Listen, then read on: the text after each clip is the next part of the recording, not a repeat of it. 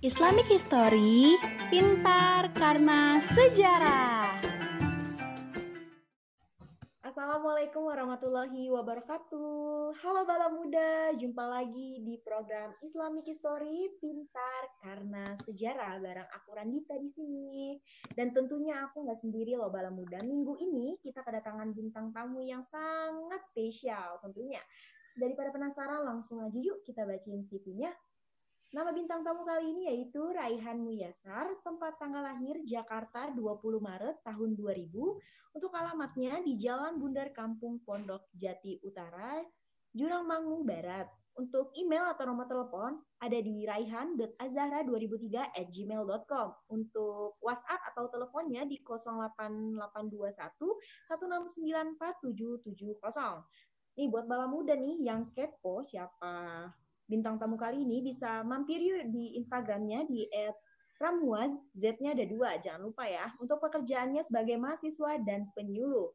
Untuk riwayat pendidikan, bintang tamu ini atau bisa kita sebut sebagai karehan ya, memiliki grade pendidikan seperti di SD IP Baitul Mal, SMP SMP IT Cordova, SMK atau SMA ada di MAN 19 Jakarta. Dan tentunya nih Bala Muda, um, prestasi yang diraih oleh bintang tamu satu ini saya salut banget. Saya kagum sih sebenarnya. Wow banget. Yaitu sebagai Duta Genre hmm. Provinsi Banten tahun 2020. Juara satu Putra Duta Genre Kota Tangerang Selatan 2019 dan juga juara dua terbaik menulis antologi puisi Ingar Bingar Sini. Wow, keren banget ya Bala Muda. Dan tentunya tidak hanya prestasi yang dimiliki oleh karyawan ini, ternyata pengalaman organisasinya cukup banyak loh Bala Muda. Wow, keren banget nih. Seperti ada Forum Genre Indonesia Banten, Forum Genre Kota Tangerang Selatan, Indonesia Juara Emas, Himpunan Pemuda Kota Tangerang Selatan, HMJ BPU, BPI UIN Jakarta. Wow, ini cukup banyak maaf ya Karehan karena nggak bisa disebutin satu-satu. Ya banyak banget nih bala muda sumpah. Keren banget keren banget nih Karehan oke bala muda jangan lama-lama langsung aja yuk kita kenalan nih cus ke bintang tamunya. Halo assalamualaikum Karehan halo waalaikumsalam. Apa kabar nih Karehan Alhamdulillah baik Dita. Dita sendiri gimana? Sehat? Karehan Eh, baik-baik uh, aja uh, dan alhamdulillah dikasih kesempatan untuk um, wawancara bareng sama Dita Selatan keren banget Alhamdulillah sama Rehan juga berkesan gitu ya untuk bisa jadi bintang tamu nih. Iya, alhamdulillah alhamdulillah masih dikasih kesempatan ya, Kak ya. Mm -mm. Oke, Kak Alhamdulillah. Um, melihat organisasi dan juga pengalaman Karehan yang cukup banyak nih, pasti itu dimulai dari apa ya Karehan mulai dari SMP atau um, jenjang kuliah? Hmm. Sebenarnya dari UIN sih, gara-gara masuk UIN gitu. Ren selalu bilang tuh gara-gara UIN, gara-gara UIN tuh selalu membuka peluang lah gitu. Mungkin kalau bukan di UIN kuliahnya nggak bisa seaktif ini gitu di organisasi dan berprestasi gitu ya. Ya karena emang impiannya juga di kampus, kampusnya masuk UIN gitu ya alhamdulillah sih kesampaian dan terus berkembang potensinya. Ya semoga sih bisa menularkan ini kepada yang lain gitu ya, menginspirasi iya. lah. Wow, berarti um, dari jenjang ini ya, ma, uh, universitas tentunya ya, yang mungkin Universitas. Makin berkembang, iya. berkembang dan sampai sekarang ini ya kak. Mm. Oke, okay, um, sekarang uh, kita ada di program Islamic History nih kak. Kita akan membahas mm. tentang tema peristiwa pengangkatan Nabi Idris. Ya. Wow. wow. Nabi yang seperti apa nih kalau menurut kakak?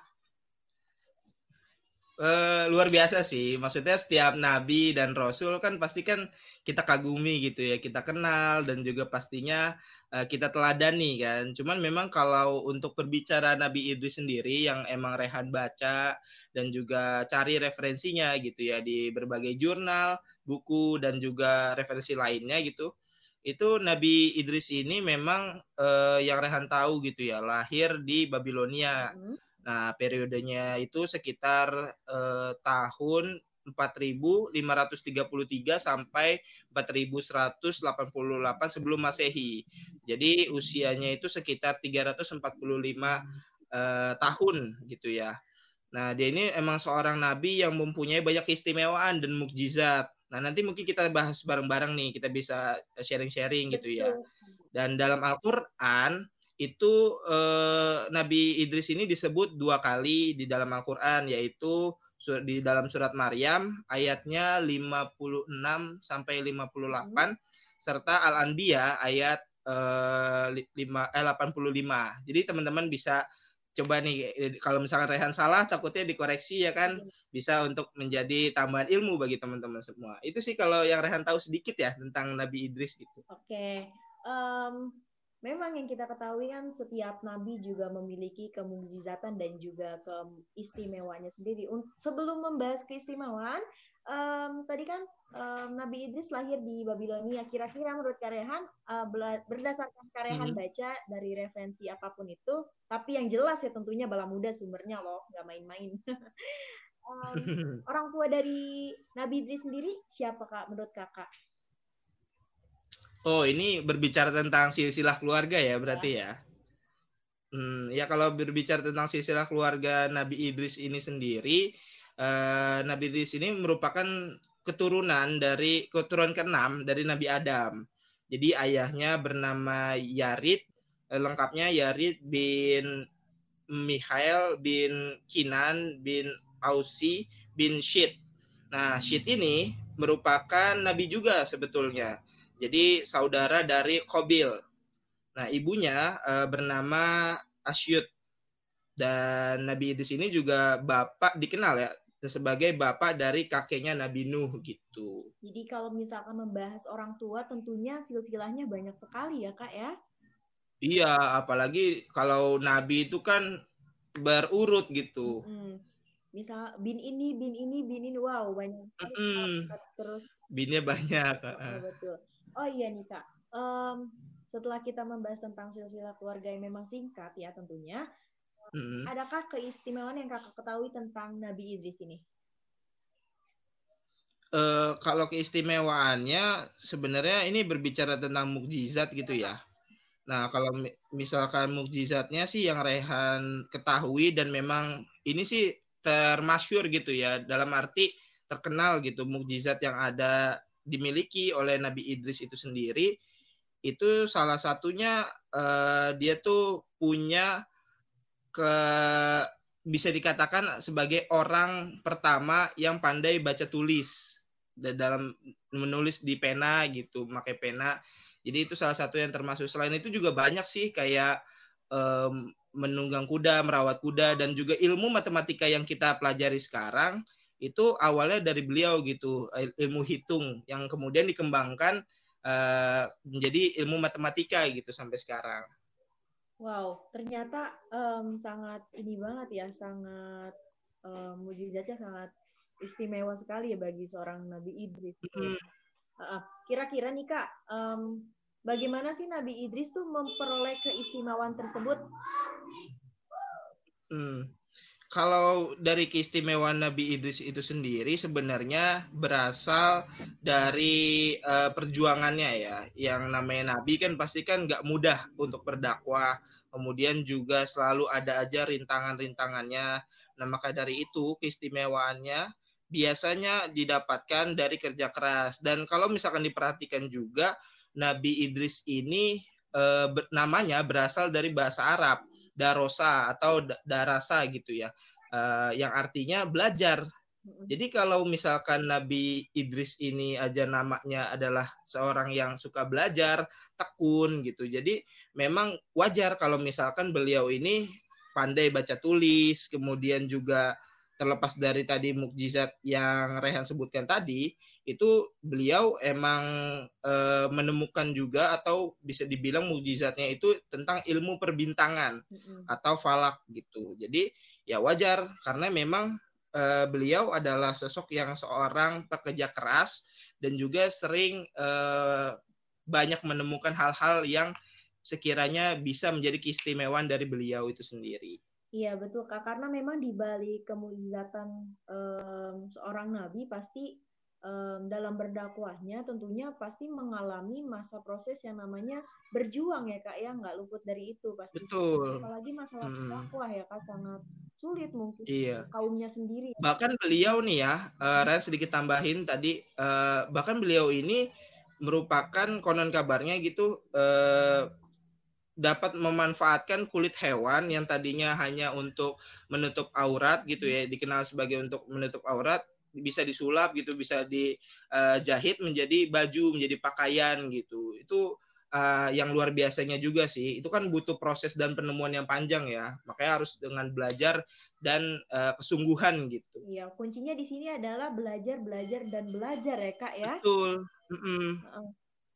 Um, sangat ini ya kalau kita dipik uh, kita pikirkan uh, untuk zaman sekarang membuat pakaian untuk menutup aurat apalagi kan daerah sana daerah mungkin um, entah mm -hmm. ataupun padang pasir kan sangat sulit akan um, ini ya baju gitu jadi kalau misalkan kita pikirkan kok bisa gitu kok bisa sampai ke sana gitu pikirannya idenya sangat luar biasa iya. untuk zaman apalagi gitu. jauh kan sebelum masehi gitu sebelum ada peradaban ya kak ya? Betul masa nabi yang semua kita belum lahir. Mm -hmm makanya penting sih untuk belajar siroh gitu untuk belajar kisah-kisah nabi. Ya sekarang inilah salah satu platformnya. Oke kak. Um, sebelum mendapat atau memperoleh keistimewaan pasti seorang nabi tuh memiliki proses di mana dia ini um, akan menjadi nabi. Kira-kira kalau menurut kakak ada proses um, dalam hmm. Hal ini juga pak Wah, pasti sih. Prosesnya itu panjang ya. Apalagi sosok Nabi Idris ini uh, yang Rehan baca diangkat menjadi nabi itu udah di di usia yang cukup sudah senja juga eh, uh, 82 tahun kalau nggak salah. Itu dikarenakan emang proses belajar tadi gitu. Jadi emang diangkat menjadi nabi dan kemudian Nabi Idris ini berdakwah yang tadi Rehan bilang di Babilonia atau sekarang biasa dikenal dengan Irak dan juga di Mesir. Mesir di Memphis gitu. Nah, beliau mendapatkan gelar dan julukan juga sebagai Asadul Usud. Artinya singa karena memang eh, sering ditakuti eh, dan juga dia dikenal juga tidak takut dengan kekafiran. Jadi selalu melawan kekafiran, berdakwah di jalan Allah. Jadinya ya mendapatkan gelar tersebut. Jadi memang dari segi dakwahnya aja sudah luar biasa. Dia adalah sosok yang pemberani dan juga pekerja keras. Oh, jadi tentunya sebelum menjadi nabi banyak sekali proses-proses yang dilalui ya oleh Nabi Idris. Betul. Ya. Mm -hmm. ya instan seperti itu ya kan langsung jadi langsung jadi tentunya. Iya, nggak kayak kita masak mie instan gitu ya. Mie iya, instan aja tapi ya, ada prosesnya. Itu direbus dulu, di ini dulu. Nah, mm -hmm. seperti tapi kita tidak bisa menyamakan dengan nabi ya proses nabi karena beda sekali. Oh iya jelas jauh. Gambarannya pokoknya tidak seinstan itu untuk menjadi nabi gitu ya kak ya. Iya butuh proses yang panjang. Tentunya. Um, saat um, tentunya dalam berdakwah nih kak adanya halangan dan rintangan yang dihadapi oleh semua nabi ya kayak ya. terkhusus yang kita bahas sekarang ini adalah Nabi Idris. Kira-kira hmm. halangan dan rintangan apa sih kak yang Nabi Idris hadapi saat berdakwahnya? Iya, kembali kepada proses dakwahnya Nabi Idris ini uh, memang setiap kalau berbicara setiap nabi gitu ya, pasti kan dalam berdakwah menemui halangan, tantangan tersendiri gitu. Pasti ada aja deh. Kenapa Rehan bilang setiap nabi, bahkan setiap orang gitu. Setiap orang nih daripada kita ketika memang berdakwah pasti menemukan halangan, tantangan dan cobaan gitu. Kayak misalkan ulama, kemudian juga uh, Habib dan Ustadz itu kan pasti kan gak serta merta diterima di kalangan tertentu gitu ya. Ada aja pasti kan penolakan-penolakan dan sebagainya. Apalagi kita manusia biasa yang kalau misalkan kita mengajak kebaikan aja ya dalam konteks dakwah itu kan pasti kan banyak sekali tantangan-tantangannya kan. Nah kalau misalkan Nabi Idris ini sendiri uh, mengalami penolakan dari masyarakat Babilonia, dari masyarakat uh, tempat tinggalnya tersendiri bahkan tempat lahirnya yang di sana eh, dahulunya mayoritas adalah orang-orang kafir. Nah, eh, tidak percaya dengan ajaran yang dibawa oleh Nabi Idris gitu. Sampai suatu ketika Allah murka menurunkan musibah berupa keri kekeringan, kekeringan di sawah, di sungai dan sebagainya. Kemudian juga uh, musim kemarau yang panjang sehingga ya tadi yang Rehan bilang kekeringan. Terus juga akhirnya tapi sikap dari Nabi Idris ini yang harus di kita teladani sama-sama ya bahwa Nabi Idris ini tidak serta merta menyalahkan keadaan gitu, justru membela kaumnya yang kesusahan gitu, memohon kepada Allah untuk menurunkan hujan. Hal ini menunjukkan bahwa kan Nabi Idris ini merupakan sosok yang sabar dan juga pemaaf gitu sih. Makanya luar biasa selain pekerja keras, kemudian juga pemaaf, baik hati, sabar. Wah, lengkap deh pokoknya kita bisa belajar banyak nih hari ini banyak uh, hikmah yang bisa kita teladani dari sikap Nabi Idris ya kak ya. Iya, banyak ya. sekali. Iya, ternyata walaupun sudah di, mungkin dicaci, dimaki ataupun tidak diterima ajarannya oleh kaumnya sendiri, tetapi uh, Nabi Idris tetap um, um, bersikap penuh akan um, dakwahnya tersebut gitu loh kak. Jadi kayak misalkan hmm. Ini umatku gitu, ya Allah sampai jangan uh, jangan sampai umatku ini menerima uh, musibah yang engkau berikan seperti tadi halnya kekeringan ya kak ya. Iya betul. Uh, untuk selanjutnya nih kak, um, hmm. sesudah kita tadi bahas berbicara tentang dakwah Nabi Idris, um, kira-kira um, bagaimana sih kak proses Nabi Idris ini um, mencapai ke surga kak? Oh ini berarti berkenaan dengan kisah ya? Agak iya. panjang apa apa nih? uh, agak diringkas aja walaupun agak panjang okay apa-apa. Iya. Iya. Ya, jadi kalau kisahnya sih sebenarnya uh, berawal dari rasa rindu gitu ya malaikat Israel kepada Nabi Idris. Uh, malaikat Israel meminta kepada Allah untuk bertemu dan Allah singkat cerita mengizinkan dan menginaplah di rumah Nabi Idris alaihissalam. Nabi Idris ini awalnya tidak tahu namanya uh, dan karena em menyerupai ya menyerupai manusia gitu. Nabi Idris punya kebiasaan untuk berpuasa dan juga menyambut tamunya dengan hidangan yang terbaik. Uh, sehingga setelah empat hari Nabi Idris bertanya kepada tamunya tersebut, siapa engkau gitu sebetulnya. Nah malaikat itu mengaku bahwa malaikat uh, Israel. Nah kemudian ada beberapa permintaan yang di sampaikan gitu ya kepada Nabi Israel dari Nabi Idris. Yang pertama agar mencabut nyawanya supaya merasakan kematian katanya. Nah setelah itu Allah mengizinkan malaikat Israel mencabut nyawanya dan kemudian dihidupkan kembali tapi nah setelah itu Nabi Idris menangis merasa karena merasakan betapa sakitnya sakaratul maut gitu. Dan membayangkan manusia dan umatnya menghadapi rasa sakit itu. Dan yang kedua, dan ini adalah proses di mana diangkat di surga gitu ya. Kembali diizinkan lagi oleh Allah karena memang e, Nabi Idris yang meminta gitu. Nabi Idris meminta untuk melihat surga dan neraka. Allah mengizinkan kemudian sampai di depan pintu daripada neraka Nabi Idris menangis kembali e, hampir pingsan bahkan karena saking takutnya dan menyeramkannya sosok penjaga neraka gitu dalam kisahnya dan kemudian e, melihat begitu banyak siksaan e, yang sadis bagi manusia. Nah setelah itu dari neraka pindah ke surga e, juga menangis tapi menangisnya terharu gitu melihat penjaga surga yang ramah, pemandangan surga yang begitu indah, air yang mengalir jernih dari sungai, istana yang megah, pohon yang penuh buah. Nah, dari situ kisah Nabi Idris ini yang sangat takjub gitu ya melihat surga.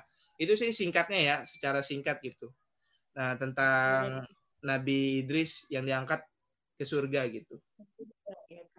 Oke, um, ternyata ya Nabi aja bisa menggambarkan bahwasannya uh, uh, mungkin ya pahitnya neraka ya kak. Betul. Sampai dia merasa sedih dan melihat banyak siksaan pedih di dalamnya gitu lain dengan halnya berada di surga dengan penjaga uh, surga yang ramah dan tentunya hmm. di dalamnya banyak kenikmatan-kenikmatan yang diberikan Allah Allah Subhanahu wa taala ya Kak ya. Iya. Oke, okay. um, akhir dari uh, sebelum berakhir nih Kak, um, kira-kira kesimpulan yang bisa kita tarik untuk kita beritahu kepada kepada bala muda nih apa aja nih Kak terkait hmm. Nabi Idris? ya banyak hal yang bisa dipelajari gitu ya daripada Nabi Idris ya mulai dari pembicaraan kita hari ini gitu pasti kan Allah juga uh, punya maksud dan tujuan dari kisah Nabi Idris gitu bahwasanya uh, memberikan pengalaman kepada Nabi Idris ini tentang surga dan neraka gitu dan juga rasanya kematian dan sejak saat itu mungkin Nabi Idris uh, lebih giat lagi untuk berdakwah karena sudah melihat dan juga merasakan hal itu ya Allah inginkan gitu untuk memacu semangat dalam berdakwah. Nah kita sebagai uh, manusia biasa tentunya tapi tidak luput dari yang yang tidak luput dari salah itu kita harus lebih giat lagi bah, bahkan karena kalau nabi dan juga rasul-rasul berdakwahnya juga tidak kenal lelah apalagi kita gitu minimalnya untuk mengajakin uh, teman-teman kita untuk kebaikan gitu kalau ada salah ditegur kalau misalkan uh, ada sesuatu hal yang kita dapatkan alhamdulillah dan kemudian bersyukur gitu.